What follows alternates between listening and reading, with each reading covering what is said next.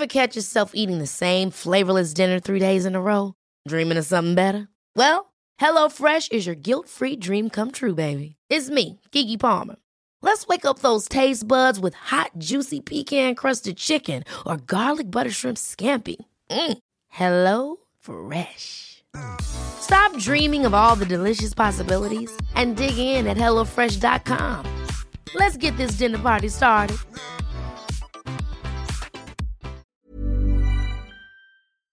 Ukas annonsør i Foreldrerådet er Ekstra.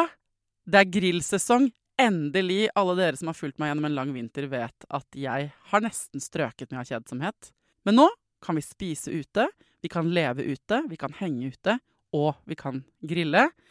Ekstra har sitt største grillutvalg noensinne. Og hør godt etter nå. Her er en del av grillutvalget deres.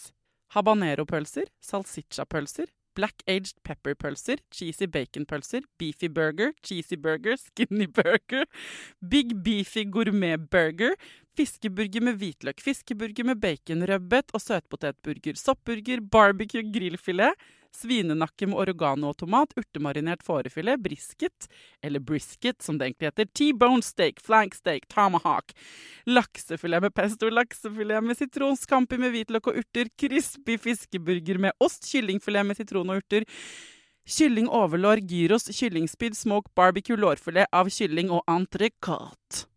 Takk for meg. Dette er bare noen av produktene i Ekstra sitt største grillutvalg noensinne, og kommer bl.a. fra Norges mest prisvinnende grillserie, Grill Perfekt.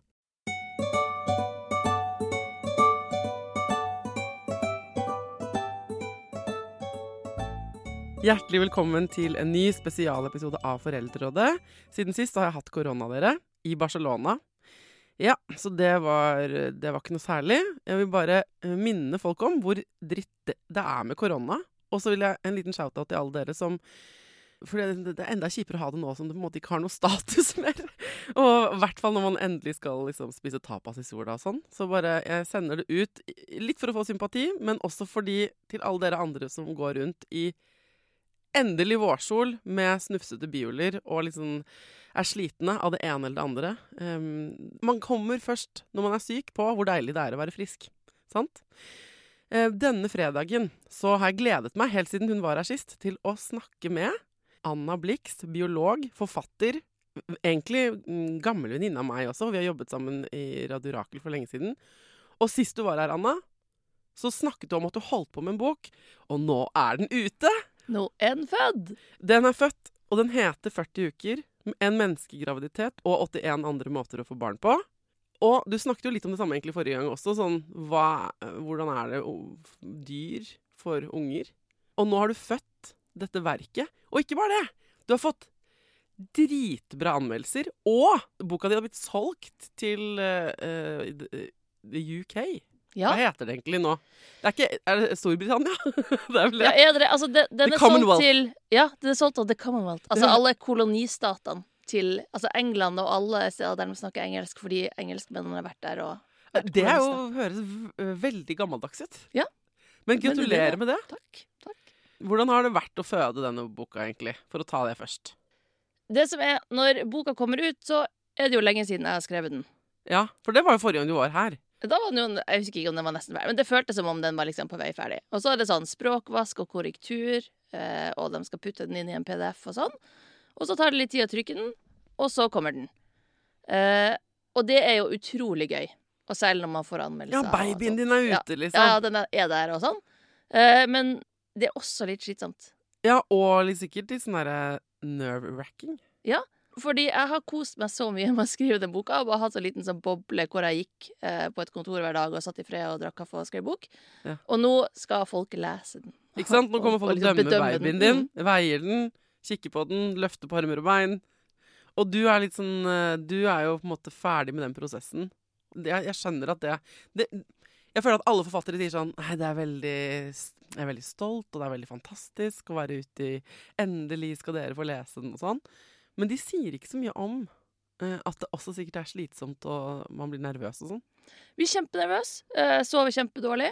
Gjør du det? Uh, ja, det gjør jeg. Og jeg vil jo helst bare liksom sitte og pusle med det nye skriveprosjektet mitt, og det klarer jeg jo ikke når jeg sover dårlig og er stressa. Nei. Du, er, også- du har et spedbarn. Det er jo som å ha et spedbarn. Det, det er Ja. å ikke få sove. Ja, det er det. Slipper heldigvis å amme om natta. Ja. Uh, og så blir jeg litt sånn kjip.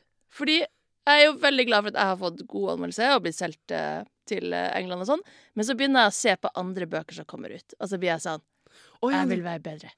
å ja, du, blir, så du begynner allerede i Akkurat som i barselgruppa, hvor man begynner å sammenligne babyene sine med den andre babyen. Ja, litt sånn. Som vi ikke snakker høyt om, selvfølgelig at vi gjør, men som alle gjør. Ja, ja, det er jo alltid litt sånn Å, han der lille Kristoffer der borte, han har lært seg å rulle. Og Ja. min tjukke baby bare bare ja, ligger her og kan ingenting. Ja, ikke sant? Og det er sånn ah, det er helt Og det, det man sier mest i barselgruppa, er sånn Ja, men de utvikler seg veldig ulikt tempo, vet du. Og den som sier det mest, det er den som har den mest uh, utviklede ungen. Ja, men det er veldig vanlig, vet du. Han var veldig tidlig, ikke sant. Han var veldig tidlig. Men, men det er helt vanlig at ditt barn ikke kan noen ting enda. Ja, så du har samme følelsen. Ja, litt. Og samtidig så syns jeg jo det Altså, jeg syns jo jeg er kjempedum når jeg tenker sånn, for jeg vil jo at det skal komme flest mulig gode sakprosabøker om uh, alle mulige tema, og Ja. Alle som får eh, gode anmeldelser og gjør det bra. Det er jo kjempebra for liksom hele feltet, for meg og mine forfatterkollegaer. Så da du, blir du skamfull også over Ja. at du blir litt kjip fordi du er sliten Ja. og stressa. Ja, men da er du i gang, ja.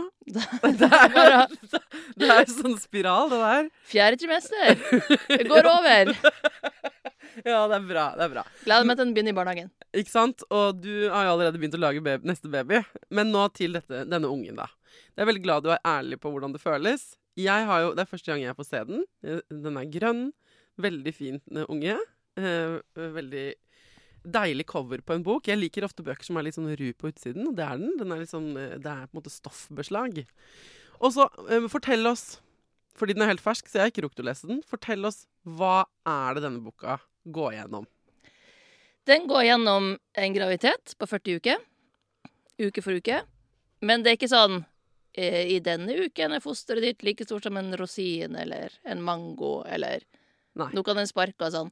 Men i hver uke så møter du noen andre dyr som er ferdig med sin reproduksjon denne uka.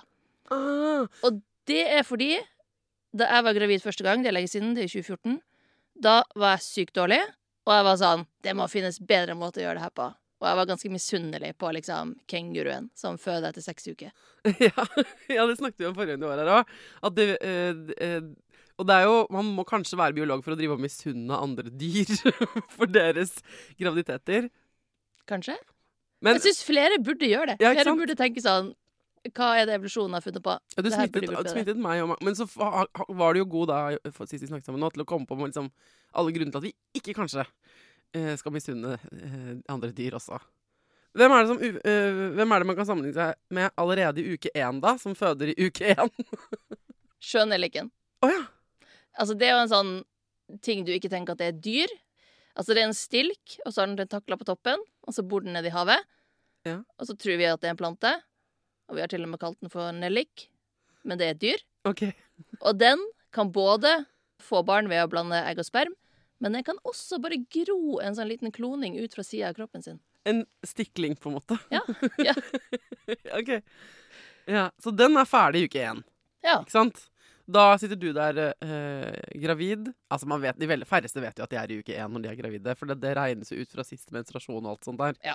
Men se, så selv lenge før du og kroppen din egentlig vet at du er gravid, så har skjønneliken han, han eller hun er ferdig. ja. Når min kropp liksom begynner å gjøre seg klar til det som skal skje, Mm. da er det noen som er ferdig. Er dette en bok som er til for å støtte gravide kvinner som trenger å sammenligne seg med dyreverden? Er det sånn det er ment å bruke den? Jeg skrev den fordi jeg trengte sånn evolusjonær trøst. Ja. Fordi jeg syntes det var så jævlig å være gravid. Ja. Og fordi det er gøy å se litt hvordan andre gjør det. Jeg håper at det gir et mer sånn slektskap til resten av verden der ute. Ja. For vi er jo ofte veldig sånn mennesker og dyr. Men vi er jo dyr. Og vår kropp kommer jo fra det samme stedet som alle andre dyr sin kropp kommer fra. Så det henger jo sammen. Ikke sant? Hva slags evolusjonær trøst kan man få da, i denne boka? At det er noen som er gravid lenger enn oss og har det jævligere. Hvem er det igjen? Det er for eksempel en hai som er gravid i tre og et halvt år. Å, herregud. Eh, masse hvaler som er gravid lenger enn oss. Um, og så er det en hai som er gravid like lenge som oss, som heter sandtigerhai. Uh, og da kan man tenke sånn Å ja, vi er liksom samme greia, du og jeg, buddy. Men den fôrer ikke ungene sine gjennom en morkake og navlestreng og liksom det her intime relasjonen her. Um, den får mange egg inn i sine to livmødre, eller livmorkammer. Og så spiser den ungen som klekker først inni livmora, spiser de andre ungene. Oi! Så det er sånn den fôrer ungene sine. Ja. Så den, treng, den har ikke noe sånn morkake Så den kunne du tatt et glass vin på, en måte. Ja. Hun kunne chilla hele graviditeten. Men han er ikke koblet sammen på samme måte. Nei. Pasteurisert ost, ikke noe problem, på en måte. Kjør på! Spis hva du vil. ok. Nei, men det er litt koselig sånn at uh, akkurat hvis du som hører på dette her er sant, 32 uker på vei, eller, eller 17, eller hva, så der ute i et eller annet hav så svømmer det en sandtigerhai, var det det? Mm. I akkurat samme uke som deg. Og dere føder eh, kanskje ikke sant, samtidig. Hvert deres sted. Det er litt koselig. Og med så, helt sånn forskjellig eh, måte å lage den ungen på, samtidig som begge har den inni magen. Ja. Jeg foretrekker at ikke, ikke Den tanken på at jeg hadde fått mange befruktede egg, og at Tidemann var resultat At Tidemann på en måte som kom ut til slutt, eh, startet livet ved å spise alle de andre søsknene sine. Jeg er glad for at eh, de kan godt drive med det. Jeg er glad vi gjør det sånn som vi gjør det. Uh, hvilke andre er det som har sånn lange graviditeter? Er det noen raringer? Du nevnte det, de hvaler sånn. Men hva med sånne store pattedyr? Elefanter er jo gravide i 22 måneder. Ja. Det må være ganske tungt. Det er tungt. Ja. Og de går jo rundt. Altså, når man, når man svømmer rundt, så virker det litt mer chill. Mm. Fordi eh, Vektløs i vannet. Ja, ja, det er jo litt en ja. grunn til at liksom eh, det er deilig med varmt vann og basseng når man er gravid. Mens et elefant som må gå rundt oppå jord, jorda og styre, liksom Ja, og oppå liksom de store beina sine. Ja. Ja, og magen henger ned. Det må være ganske slitsomt. Men den føder jo mindre unger enn oss, da. Nå husker jeg ikke hvor stor elefanten sin unge er i forhold til våre, men våre unger er jo ganske eh, stor.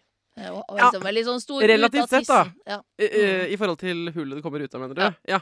Fordi i jeg tror ikke ungen, ungen min var stor riktignok han ble født. Han var ikke større enn en elefantbaby. Nei, det var han ikke. Men det er en flaggermus som føder en unge som er 45% av størrelsen til mora. Oi! Halvparten av kroppsstørrelsen til mor, liksom? Ja. Å, helle min. Og hun må jo, for det første så må hun jo fly rundt hver natt for å finne seg mat mens hun er gravid med den her enorme ungen. Og så må hun jo føde den. Så det er, der er det evolusjonær trøst til dere som har født store barn, eller hatt uh, litt sånn ekstra vonde fødsler. Det er noen som har uh, klemt ut noe større. Det, jeg syns det, det hjelper jo litt å høre at uh, folk har det verre, hvis du skjønner, enn seg selv. Samtidig som det ikke hjelper i det hele tatt når man selv står og føler seg dritt eh, i svangerskapet, da. Ja, det er litt sånn den sammenligninga i barselgruppa Ja, igjen. ja. Men hva, hva var det du Hvor var det du fant mest trøst i evolusjonen? For jeg har alltid tenkt at det må være så deilig å legge et egg. Ja. For da hadde liksom Da kunne partneren min passa på egget, eller vi hadde sikkert lagd sånne avanserte rugemaskiner hvis mennesker drev og la egg. Ja. Um, men problemet med å legge egg er jo at da må du stappe all den næringa som den ungen skal få, inn i egget før du legger det. Ja. Og da er det vanskelig å bygge så store hjerner som vi pattedyr har. ja, så vi må lage et megasvære egg. Ja, og det er jo ikke noe gøy å føde. Nei, det er jo samme problem igjen, ja. Ja, Mm. ja. Uh, og dinosaurene var jo kjempestore, og de la egg. Men de hadde bitte små hjerner Ja. sammenligna med resten av kroppen. Sånn at grunnen til at vi klarer å være den arten vi er, og jeg syns jo det er ganske gøy å være menneske, Ja. er liksom at vi ja, har de her ungene inni kroppen, og bygger de store hjernene som vi gjør. Men dinosaurene var jo veldig store i kroppen, da. Man Ja. Trenger man mer næring for å bygge stor hjerne enn å bygge stor kropp? Du må jo bygge de der hjernes, altså den, den hjernecellen og de tingene der, det må du jo bygge før, Ja. den, før den fødes. Så skal den jo vokse og bli større og sånn, men det er liksom et eller annet grunnlag da Mm. du må starte med Ja. for at du skal kunne bygge den større. Så du fant trøst i det når du skjønte det. ikke sant? I denne prosessen så la du fra deg den drømmen om å legge egg. Jeg gjorde det. altså, det, eh, apropos egg, det er et sidetrack her. Hvor mye vet du om høner? Jeg har hatt høne noen år, så jeg vet en del om høne. Ja, fordi jeg eh, har nemlig bestilt høne denne helgen. Ja, Eh, så men, gøy. men nå fikk jeg sånn beskjed om at eh, jeg måtte vente og, og sånn, og da ble jeg sånn jeg, jeg skal ikke ta deg gjennom alt dette her, men akkurat når vi sitter her og snakker sammen, så har jeg de siste fire dagene googlet høner i sånn flere timer om dagen. Jeg leste meg opp på sånn Hvordan bygger man om dukkestuen i hagen til et hønsehus? Hvor mye isolasjon? Hvordan skal vi gjøre det om vinteren? Hvilke høner skal vi ha? Alt sånn. It's a lifelong dream coming true. Og jeg, eh, apropos legge egg og alt det der, så er jeg liksom for, Kan du um, Nå har jeg på en måte vært på Pinterest, Instagram, TikTok, Google selvfølgelig, diverse artikler og alt mulig. Siden jeg har tilgang på en ekte biolog, hva er det du kan fortelle meg om høner som jeg sikkert ikke vet, eller folk vet der ute?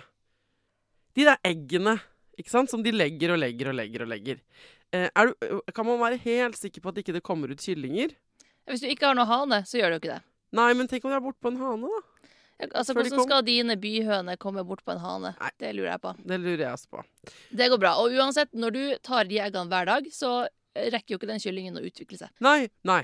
Men det har jo vært eh, folk som har kjøpt egg i butikken, og så lagt dem i en eh, sånn eh, varmt. Ja. I en klekke, Ja. klekkemaskin. Og det er fordi, i hvert fall hos noen, jeg vet ikke om det er de økologiske, eller hos noen av de her hønseriene, så har man hana også fordi at det gjør det litt triveligere å være Ah. den høna inni der. Ja. Eh, så da blir det jo litt henkepenki Fordi de får ligge, liksom. Er det derfor det er hyggeligere? Ja, de liker å ha noen eh, hø- Høner er jo veldig sånn Det skal være en flokk, og det skal være dame, og så skal det være én hann som passer på. Ja, det er det de syns er kulest. Ja. Men eh, du har ikke noen sånne graviditetsfacts eller sånne eh, fødefacts for høner eller noe sånt? Nei, fordi uh, høne er jo en art som vi har Laga. lagd, ja. Så Ja. det at de legger så mange egg, er veldig uvanlig. Det er derfor også høner blir ganske utslitt uh, ganske tidlig. Mm. Altså, de lever ikke så lenge som ville hønsefugler gjør. Ja. Så det har ikke jeg så mange fun facts om. Men det fins en midd som ofte kommer i hønsehus, som du må passe på, som heter blodmidd. Som er ganske nasty. OK. Og den går og spiser blod av hønene dine. eh, og gjemmer seg inn i hønsehuset på dagtid. Så hvis du får den, da er det sånn full infestasjon av sånne ekle midd som bare kryper rundt. Og hønene blir ganske lei seg, og at de suger blod på dem hele natta. Og da må du ja, da må du kalke og gi medisin og litt sånne ting. Åh, ja. Jeg skulle aldri åpnet dette ballet, for jeg vil jo nå lever jeg fortsatt i den drømmen om at det bare kommer til å være koselig og gøy, og ikke noe stress, og heller ikke lukte noe vondt. Ehm, ja. Du kan leve i den drømmen. På samme måte som en vordende eh, mor ikke sant, kan Jeg husker da jeg var gravid, og jeg hadde veldig mange, hadde veldig mange liksom, forestillinger om hvordan dette, både graviditeten skulle bli, egentlig, og fødselen. Og livet med barn. og denne podkasten er jo et direkte produkt av at jeg er typen til å ikke alltid reality-sjekke mine forventninger. Um, så dette er det jeg gjør for uh, å- Dette er botsøvelsen, ikke sant? Å uh, gi oss alle reality checks et par ganger i uka, sånn at vi vet At vi ikke føler oss gærne når ikke livet føles helt tippet i topp. Så tilbake til eh, det prosjektet, da. For at det, i det der hønegreiene Der har jeg også litt lyst til å leve på drømmen og heller lande pladask, hvis du skjønner. For jeg, i mitt hode tenker jeg at når jeg kan gå og hente min egen egg om morgenen og bare ha fire-fem typer, altså morsomme fugler, boende i hagen, så kommer By the time jeg begynner å synes det er ekkelt, eller irriterende eller vanskelig, eller de blodmiddene kommer, eller noe sånt, så er jeg allerede så glad i både eggene og hønene at da tåler jeg det. Det er strategien min på det. Det er jo litt sånn det med unger også. Det er det jeg mener. det. Det Altså, det jeg mener. ja, den der lukta når du går og henter i barnehagen, når det lukter sånn råtten gummistøvel og Bare vent til vi blir litt eldre. Ja, det lukter sikkert jævlig, det også. Det er heldigvis ikke der ennå. Den er òg litt sånn Oi, er det sånn det er i barnehagen? Men Ja. så møter du den søte ungen din etterpå. Ikke sant? Men gi oss noen flere um, trøstende evolusjonære ting fra boka di, da. Altså, jeg ble jo veldig, veldig kvalm, og syntes det var vel, altså, Da ble jo jeg litt sånn Hallo, det var ikke det her som skulle skje. Jeg skulle ha sånn glødende graviditet og liksom trene og eh, Ja. Alt skulle være fantastisk, og så ja. skulle jeg føde en søt liten baby, og jeg lå og spydde i fire-fem måneder. Jeg husker ikke. Altså, helt sykt lenge. Jeg var sykemeldt, kunne ikke gjøre noe. Jeg kunne ikke høre på radio. Da begynte jeg å spy. Er det sant? Ja, Jeg måtte ha det mørkt. Jeg kunne ikke snakke Å, telefon. herre min. Sånn helt sånn eh, Alle inntrykk gjorde at jeg måtte spy. Eh, og jeg leste om eh, noen som malte om stua si fordi de spydde av den fargen de hadde i stua. Jeg var sånn Ja! Ja! Jeg kjente meg sånn igjen. Men det er jo en grunn til at vi gjør det. Og det er at vi spiser veldig mye forskjellig mat. Nesten ingen dyr som spiser så variert som vi gjør. Og når du skal bryte ned mat i kroppen, så må du jo lage sånne enzymer, eller evolvere ulike enzymer. Eh, og når du spiser veldig forskjellig mat, så, så klar, Altså, vi, vi som art har ikke klart å evolvere alle de enzymene. Og noe av det farligste å spise når du er gravid Altså, når du er gravid, så er immunforsvaret dårligere. Fordi at den ungen driver og kobler seg på blodet ditt og uh, er en slags parasitt som, som graver seg inn i kroppen din. Ok. Så du kan ikke ha så sterkt immunforsvar, for da bare dytter du den ut. Ja, ikke sant? For å ikke uh, avvise ungen. Eh, og da er det jo også lettere å bli syk av maten du spiser. Mm. Så det å være kvalm er veldig lurt, for da spiser du ikke mat som er råtten eller dårlig eller Fordi når du er megasensitiv, så blir det på en måte Ritz-kjeks eller vet, brødpinner ble det for min del. Ja, jeg vet ikke hva de spiste liksom i steinalderen, men uh, jeg skulle ha sånn uh, pommes frites uten krydder og uh, sånn Pink Lady-eple. De der dyre som Ja, man aldri kjøper. ja. Ja, I sånn ikke- tynne skive. OK! Jeg tror ikke det var det steinalderkvinnene spiste. Men det kan hende de ordna noe sånn stekt potet eller noe sånt. Kanskje? Men er det en grunn til at man også får Er det en biologisk grunn til at man får sånne cravings på ulike ting? Det har man ikke klart helt å finne ut av. Ja. Det er vanskelig å forske på, på at, om det er en biologisk grunn til det. Ja. Men det har jeg jo lurt veldig på. Sant? Fordi hvordan, hvorfor ble ikke det borte der med at vi ble så kvalm? Uh, og det ble jo ikke det fordi vi samarbeider, og fordi det er noen som passer på oss da, når vi er så dårlige. Men hva slags øh, Hvor i dyreriket har du funnet øh, støtte øh, i denne kvalmen, da? Det er ingen andre som er så dårlige som oss. Nei, Er det ja, sant? Det er ganske dårlig. Men man kan jo ikke alltid se på dyr om de er kvalme, da. Nei. Og det er, vanskelig, altså det er vanskelig å forske på dyr sine følelser. Mm. Men man kan jo se på om de spiser. Altså Hunder spiser litt mindre i et par uker når de er gravid. Det er meldt om én sjimpanse i fangenskap som så ut som den var kvalm. Men ellers er det litt sånn Vent litt. Men så, uh, jeg elsker at det vi vurderer etter, er sånn Jeg synes, Ser den ikke litt kvalm ut? Det, n- er, du ser kvalm ut. Det nok, vi noterer oss det. For, uh, det kan jo ha vært hva som helst. Så ut som den var litt kvalm. Ja, altså kanskje det var det lært en signal for kvalm, da, så kunne den trykke på en knapp, liksom. Ja, men altså ja, Det er rapportert én gang hos sjimpanser, og sjimpanser har vi forska veldig mye på. Vi vet Ja. veldig mye om dem. Ja, Så de blir heller ikke så dårlige. Ok. Men er det noen dyr som slutter å spise når de er gravide, da? Eller sånn spiser noe helt sånn, Blir sånn veldig enspora i matveien eller noe sånt? Altså, Blekkspruter slutter å spise helt, og så dør de når ungene blir født. Ja, men Kanskje de er dritkvalme? Kanskje de slutter å spise fordi de blir dritkvalme? ikke sant? Ja, men det er jo litt dumt å slutte å spise og så dø. Hvis Ja, ja. ikke det på en måte er en sånn strategi som din art har. Og det har blekksprutene da. Jeg bare sier at Vi kan ikke, vi kan ikke dømme på fjeset til blekkspruten om det kanskje er kvalme som gjør at, at man er en del av denne strategien. Men hvis man fjerner en sånn kjertel inni bak øyet til blekkspruten, så fortsetter den å spise. Oh, ja. Så det er hormonelt styrt. Men det kan jo være at den blir kvalm, ja. Det har jeg faktisk ikke tenkt på. Eller tenker sånn, hvis man ser etter dyr, det er neste bok, eh, enda lenger inn i kvalme, i svangerskapskvalme. Ikke sant? Hvis noen på en måte spiser mer av én matvare og mindre av en annen, og liksom spiser mindre variert, da, så er det kanskje derfor. Ja, kanskje det. At det er deres Ja. variant av pommes frites og led- pink lady-epler, ikke sant? Jeg tror dessverre at det er hvert fall få kvinnelige kvalme forskere som har sjekka de her tingene. Hører dere det, kvinnelige kvalme forskere der ute? Vi trenger dere på dette feltet. Fordi det er jo besynderlig at ikke vi vet mer om svangerskapskvalme. Som er en så eh, stor og lammende og livshemmende og deprimerende utfordring. Jeg har laget episode om eh, eh, Hvis dere googler den episoden som heter jeg tror det er utfordringer i svangerskapet, eller eh, Det er med Torbjørn Bruksten. Så tenkte jeg skulle lage liksom en som samler om svangerskapskløe og kvalme og litt sånne ting. Eh, der er det altså så Jeg trodde jeg skulle få så mange svar på hvorfor det er sånn, og hva man kan gjøre. Og så var det bare sånn Jeg beklager jeg kunne si det. Det er veldig vanlig, og vi vet ikke hvorfor, og vi kan ikke gjøre noe med det.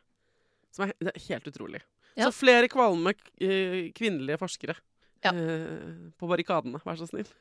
Men sånn, sånn tenker jeg at det er litt om kvinneforskninga generelt. Ja. Altså, det har vært for lite folk som har brydd seg om kvinneting, fordi det har vært hvite menn som har forska. Ikke sant?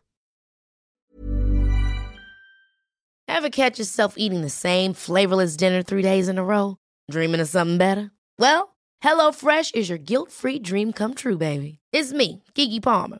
Let's wake up those taste buds with hot, juicy pecan crusted chicken or garlic butter shrimp scampi. Mm. Hello Fresh. Stop dreaming of all the delicious possibilities and dig in at HelloFresh.com. Let's get this dinner party started. Hey, it's Ryan Reynolds, and I'm here with Keith, co star of my upcoming film, If, only in theaters, May 17th. Do you want to tell people the big news? All right, I'll do. it. Sign up now and you'll get unlimited for $15 a month in six months of Paramount Plus Essential Plan on us. Mintmobile.com slash switch. Upfront payment of $45 equivalent to $15 per month. Unlimited over 40 gigabytes per month. Face lower speeds. Videos at 480p. Active Mint customers by 531.24 get six months of Paramount Plus Essential Plan. Auto renews after six months. Offer ends May 31st, 2024. Separate Paramount Plus registration required. Terms and conditions apply if rated PG. Ukas annonsør i Foreldrerådet er Nextory. Det er en lydbok- og e-bok-app. Altså, du kan både høre på bøker og lese dem på telefonen din eller nettbrettet ditt. Og akkurat nå så får du 45 dager gratis, både til deg som kanskje har prøvd Nextory før, men også til deg som er helt ny. Jeg digger at også de som har prøvd det før, får lov til å prøve igjen. For å få 45 dager gratis, gå inn på nextstory.no foreldrer. Nextory har tusenvis på tusenvis av bøker du kan lytte til eller lese. Og i dag har jeg tenkt å anbefale eh, noen bøker som eh, faller innenfor det som kanskje kalles selvhjelpsbøker. Men den kategorien har jo litt ufortjent dårlig rykte, spør du meg. Den første boka jeg vil anbefale, er boka som heter 'Psykolog med sovepose'. Johanne Refseth, som har skrevet den boka, var jo gjest her for noen uker siden. Den er absolutt verdt å lese eller lytte til. Andre anbefalingen jeg vil gi deg, er Sissel Grans bok 'Men størst av alt er begjæret', som handler om det å begjære noen andre enn den du er sammen med. Og jeg har også laget en episode med Sissel Gran om det temaet for et par år siden. Den boka er fantastisk. Hvis du har lyst til å prøve ut Next Story for første gang, eller eh, har prøvd ut før, men vi prøver det ut igjen helt gratis i 45 dager, gå inn på nextory.no skråstrek foreldrer. Apropos det, da, dette blikket på biologien. Er det noen andre historier du har funnet frem til og løfta frem i den boka så, uh, som du har lyst til å eh, dele? Jeg har skrevet en del om kjønn.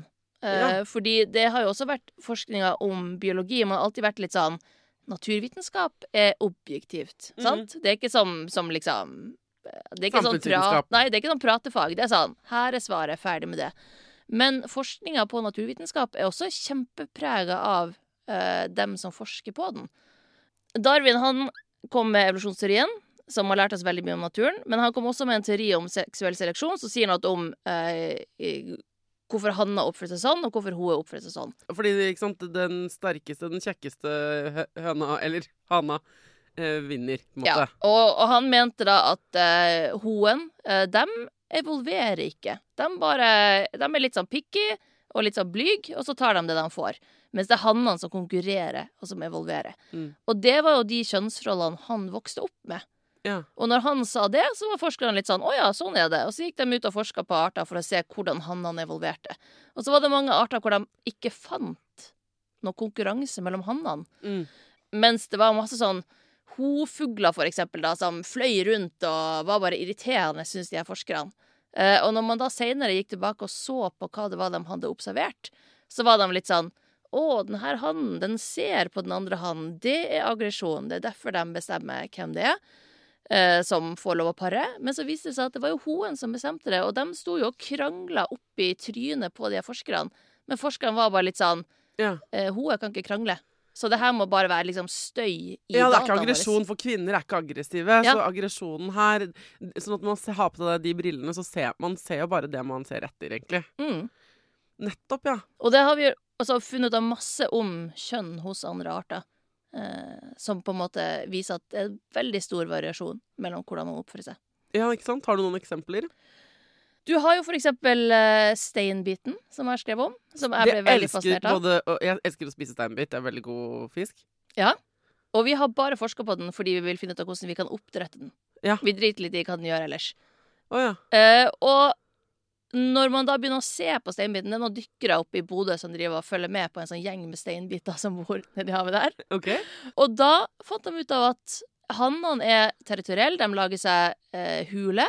Og så ligger hannene og passer på eggene i sju måneder. Så I sju måneder? Det er jo Ja. lenge. Det er kjempelenge.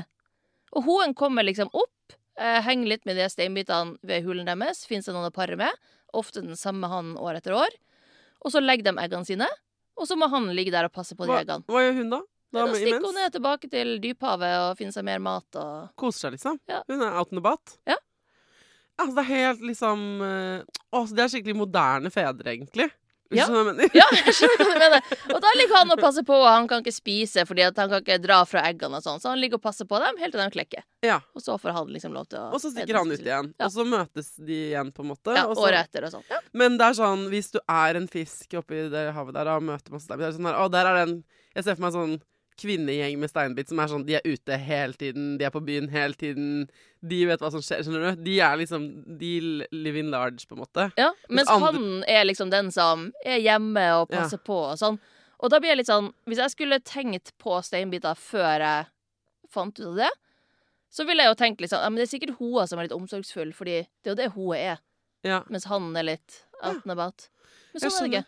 Så er det sånn i fiskeverden da, sikkert at noen andre fisker sånn skuler sånn torsken eller noe sånt, skuler bort på de, ah, der kommer de der steinbitdammene.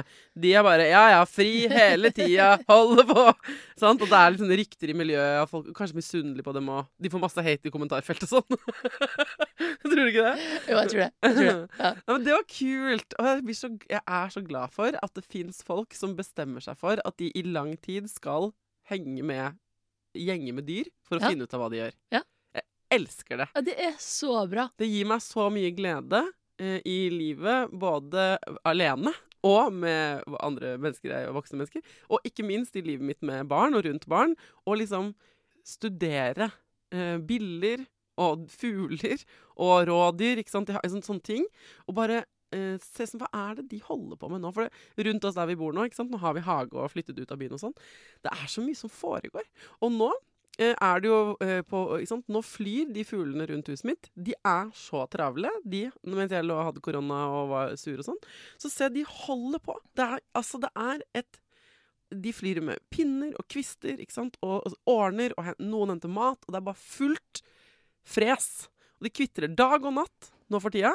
Ja. Og eh, jeg syns det er bare så Det er skikkelig gøy. Ja. Det kan hende det er alderspoeng, altså, at jeg har begynt å bli litt sånn eldre. Det, men det er kjempekoselig, syns jeg. Og gøy å se på. Men så tenker vi ofte sånn Ja, eh, det er hannfuglen som synger, og han sier jo sånn Kom og pul med meg, jeg har det beste stedet å pule. Oh, ja. Her skal vi lage reir. Ja. Ja, det er det man har tenkt tradisjonelt. Ja. Og det er det veldig ofte. Det er veldig ofte hannen som synger hos mange arter. Men hos noen arter så har hoa også en egen lyd som er sånn Nå er hannen borte.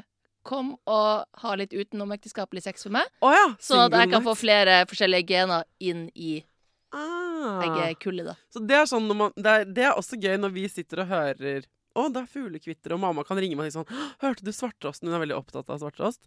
Og, og så Det som er gøy da, å tenke på, er at vi aner jo ikke hva de sier.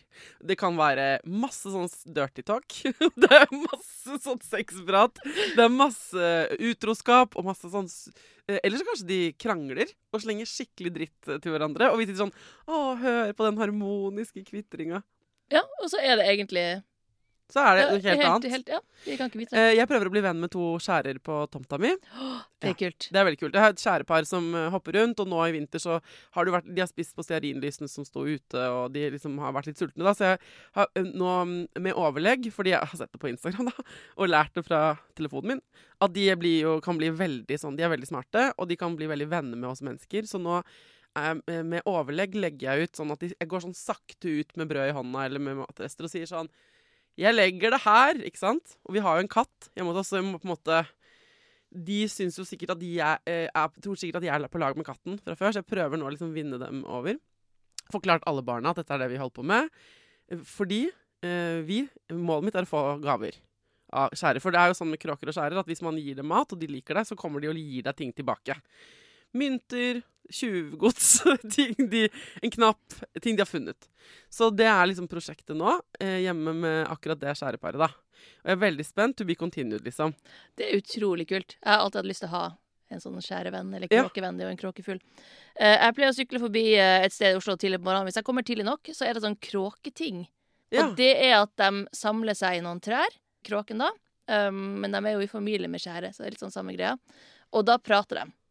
Så det sitter Ah. masse kråker i trærne, og så prater de. Og da forteller de hverandre hvor er det mat. Hvem er det som er venner? Ja. Hvem er det som er fiender? Ja. For det har jeg lest, at hvis eh, du blir venn med skjærene, så sladrer de eller kråkene til andre. Sånn at eh, hvis, På samme måte hvis du blir uvenn, da. Da ikke sant? Ja, da kan han bæsje ned bilen din, ja, for og, og de barna deres kommer også til å gjøre det. At de kommer til å lære av foreldrene sine at det der er bare å drite ned den bilen. Om, det er det vi driver med. Vi hater Ja. han fyren der borte. Ja. For han har en hund som bjeffer på oss. Og det som er så kult, er at de ungene til de skjærene eller kråkene, de trenger ikke å se. Altså, det er ikke sånn at mora tar dem med og viser sånn, peker på deg og sier sånn 'Du er slem. Vi skal bæsje ned denne bilen'. Mm. De kan lære det på en eller annen måte. Altså, at de kan lære at det, et menneske som ser sånn ut uten at de har sett det, Ah, skal vi hate. så de bare beskriver meg, liksom? Ja. Å, fy fader. Det Jeg er håper de skal elske deg, da. Ja, så det jeg går for nå, er sånn Hun veldig søte, litt morgentrøtte dama. Men som ja, ser litt, kommer ut i rare antrekk. Sånn, hun der. Hun som både kjefter på ungene i huset Men jeg tror du sånn. må uppe, uppe foringsgamet. Ja, hva må jeg gi, da? Rått kjøtt. Kjøtt! Den spiser jo masse kjøtt. OK. Altså, brød er fint, men rått kjøtt, da tror jeg du eh, Ok, greit. Game on. Det er greit. Og målet mitt er å få, ikke sant um, eh, Ja, jeg, skal, jeg har lyst til å liksom lage en liten skattkiste med ting de gir meg. Og en annen ting jeg også har gjort for vi, denne katten jeg har, eh, Knut, Katteknut eh, Nå har jeg gredd han, han mister vinterpelsen, han røyter så innmari mye. Og så har jeg lagt hans pels, som er veldig myk, i, sånt, eh, i en sånn fôringsautomat, egentlig, ute, sånn der hvor jeg gir dem fuglene frø og sånn. For da kan de få litt sånn ekstra mykt inni redet sitt. For det har jeg også lært leste jeg at man kunne gjøre da. Eh, og så tenker jeg, fordi han tar jo livet av masse av de ungene, så det er liksom på en måte en måte å gi tilbake på. ja. Skjønner du? Knut vil dele. Eh, eh, ja, men bra. eh, og, eh, For det er det de gjør, ikke sant? Ja. De bruker pels og ting de finner for å gjøre det mykt og koselig. Mm. Men eh, det lukter jo veldig katt av den pelsen. Eh, Men de er jo kjempesmart. De skjønner jo forskjell på lukta på eh, Ja. Og de vet jo altså Hvis en hund går i bånd, så kan de begynne å erte den hunden, for de vet at den kommer seg ikke å ta. Så at Ah. de er liksom så lur. Oh. Ja. Nei, men eh, kult. Og så ehm, eh, Du skjønner jo hvorfor jeg vil ha høner, ikke sant? Du skjønner dette her, og hvorfor jeg for andre gang vil ha deg her til å snakke Altså, jeg kunne, jeg kunne hørt på timevis og lest 30 bøker på rad om dyr og hva de gjør når, de, når vi ikke ser dem. Jeg syns det er så underholdende. For folk som ikke er så sånn lettbegeistrede i dyreverden som meg, hva er det denne boka på en måte gir Hvem er den perfekte gaven til?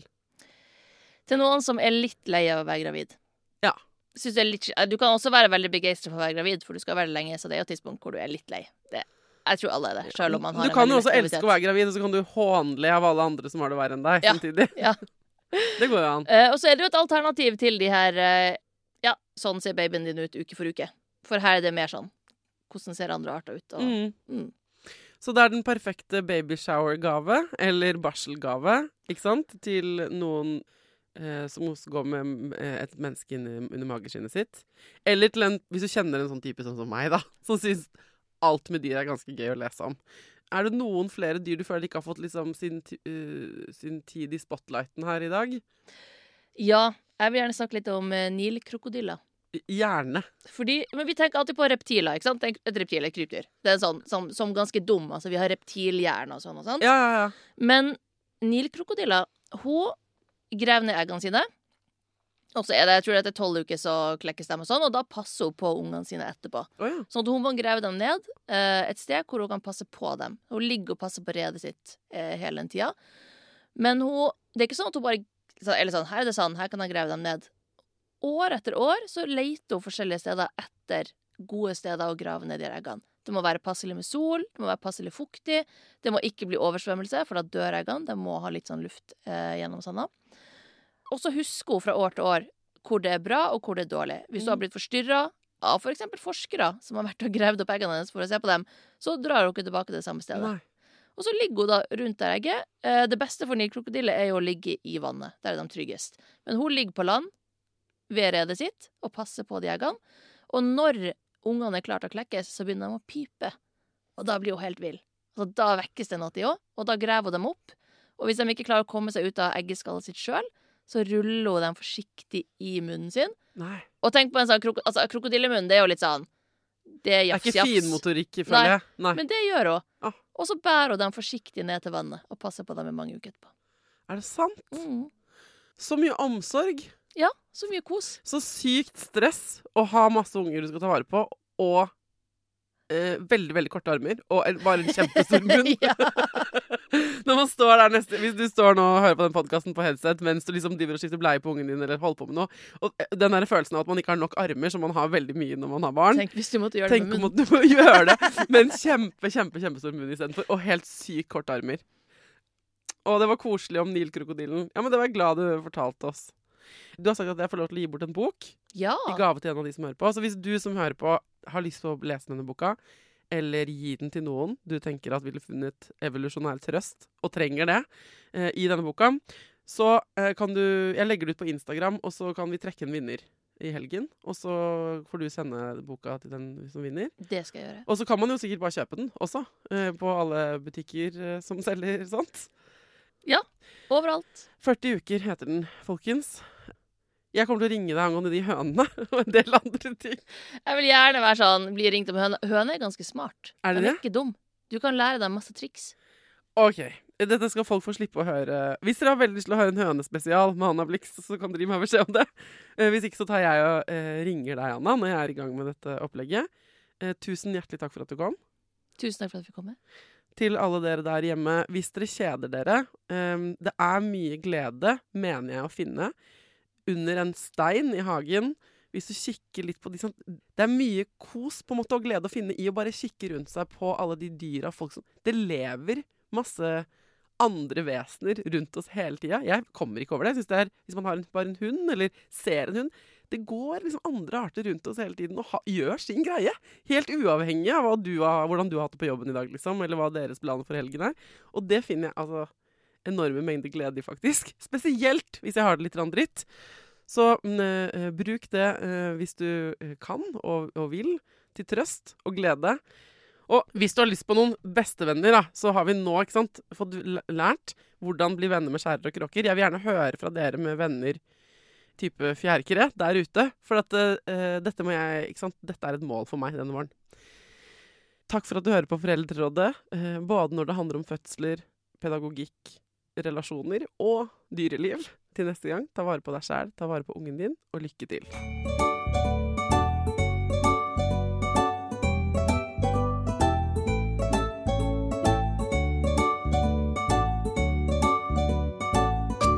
Produsert av Klinge.